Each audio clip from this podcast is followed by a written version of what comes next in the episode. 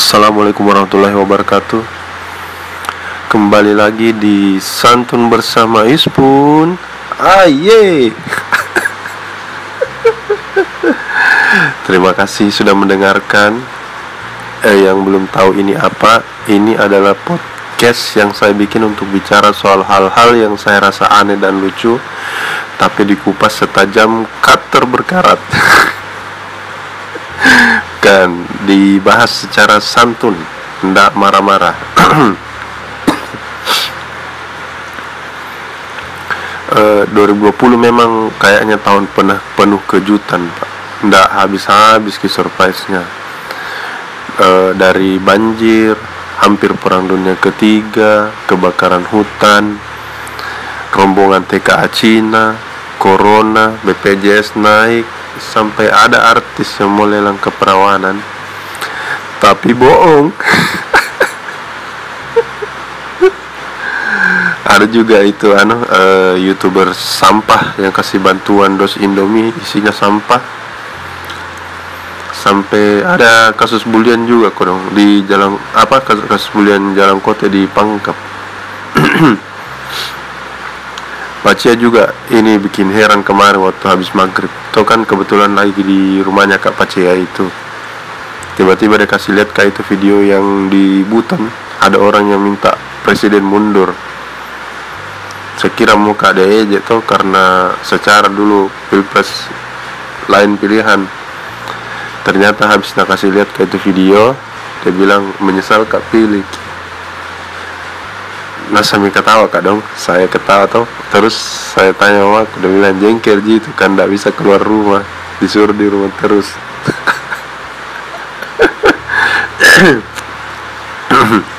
dari semua yang buruk alhamdulillah Zack Snyder akhirnya kasih keluar Justice League Snyder Cut. Mantap. Katanya tahun depan ini ada di HBO Max. Semoga panjang umur bisa nonton ini bareng di bukan Indo XXI tapi bukan Zack Snyder ini yang mau kita bahas. Kali ini kita mau bicara soal jalan kote dan fenomenanya. Yang belum tahu baru-baru ini di Pangkep saya baca berita ada kasus anak kecil penjual jalan kote yang dibully sama beberapa pemuda. Dan viral ki ini rekaman videonya. Jadi di itu video ini anak dikelilingi sama beberapa anak muda tuh. Dan sepertinya dikerjai. Waktunya itu anak namanya Rizal membalas. Udah pegang-pegang gitu anunya. Dedenya plat motornya itu orang.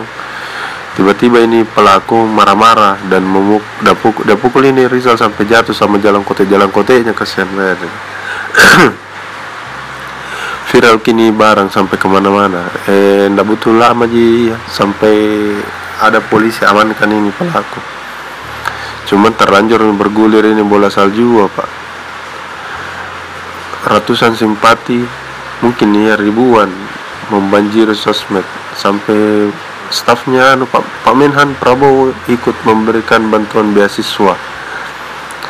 Diundangi juga sama Pak Gubernur dikasih sepeda motor ada juga yang kasih sepeda maksudku ndak dengar janji mungkin ini Pak Jokowi sampai ndak datang di pangkep kasih sepeda toh eh physical distancing juga pada tahu terakhir saya lihat di sosmed ada anu mantan mantan Pak Amran tahu pergi nawarkan pekerjaan sama ini anak kalau sudah lulus.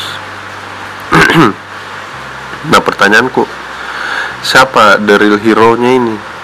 Terus uh, bagaimana nasibnya penjual jalan kota jalan kota lain tuh? apakah akan berpengaruh terhadap penjualan jalan kota secara global?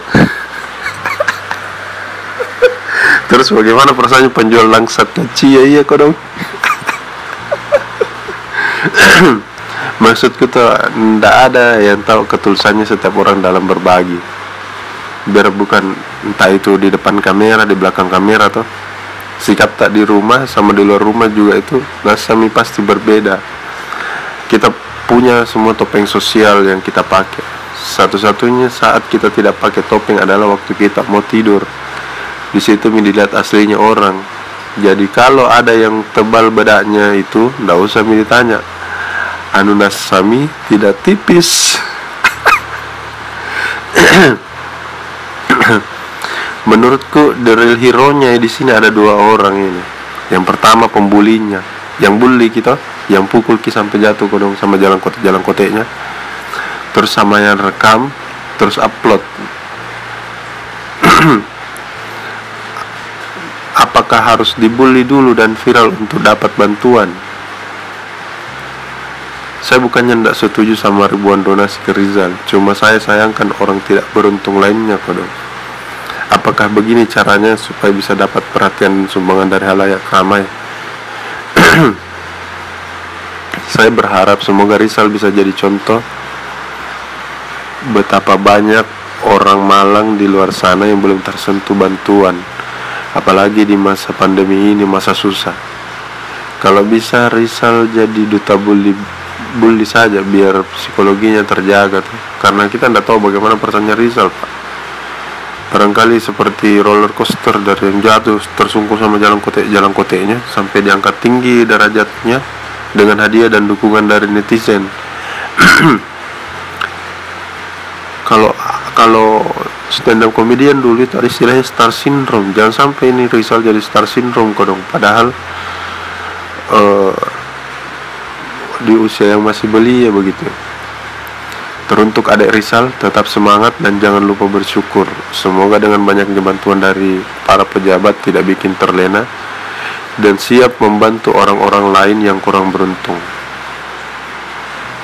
Mantap kita.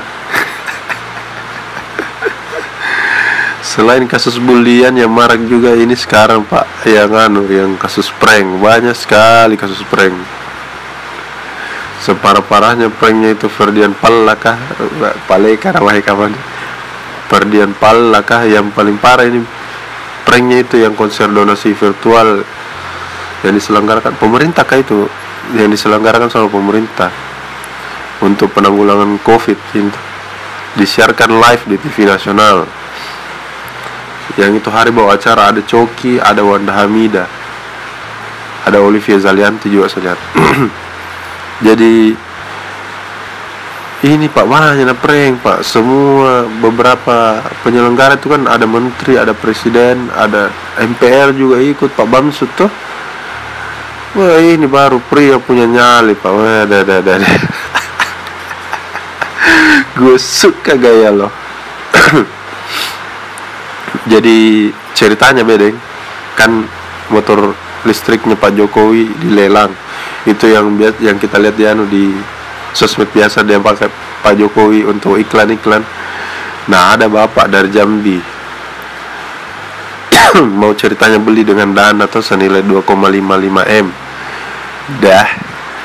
2,55 m itu kalau jadi jalan kota bisa kapan kasih makan satu gelorok Bung Karno nih? Tapi ini bapak. Saya salut sama nyalinya pak pas ditanya sama polisi beda dia tidak tahu kalau itu acara lelang.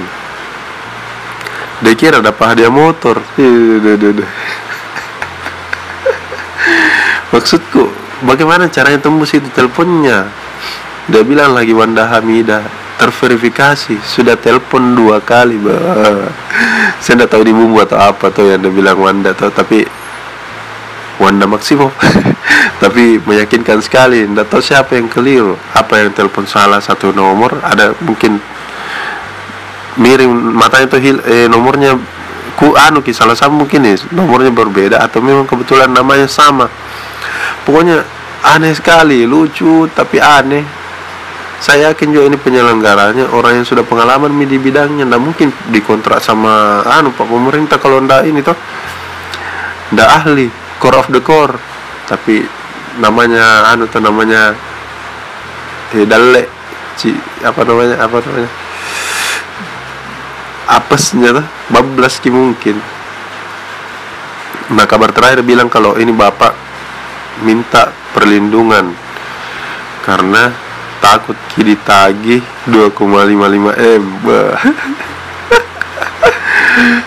barangkali saya ini tahu barangkali disuruh-suruh juga ini kapan bapak kah kodong di saat lagi pandemi begini memang banyak sekali ya lucu di anu pak berkeliaran ini di timeline.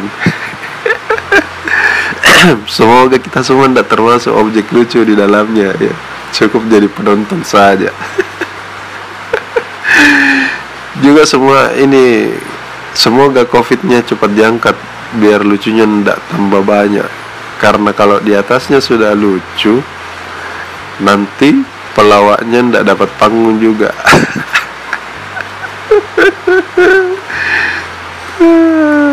Oke lah oke lah kalau begitu. Terima kasih sudah mendengarkan santun bersama Ispun. Sampai ketemu di episode berikutnya.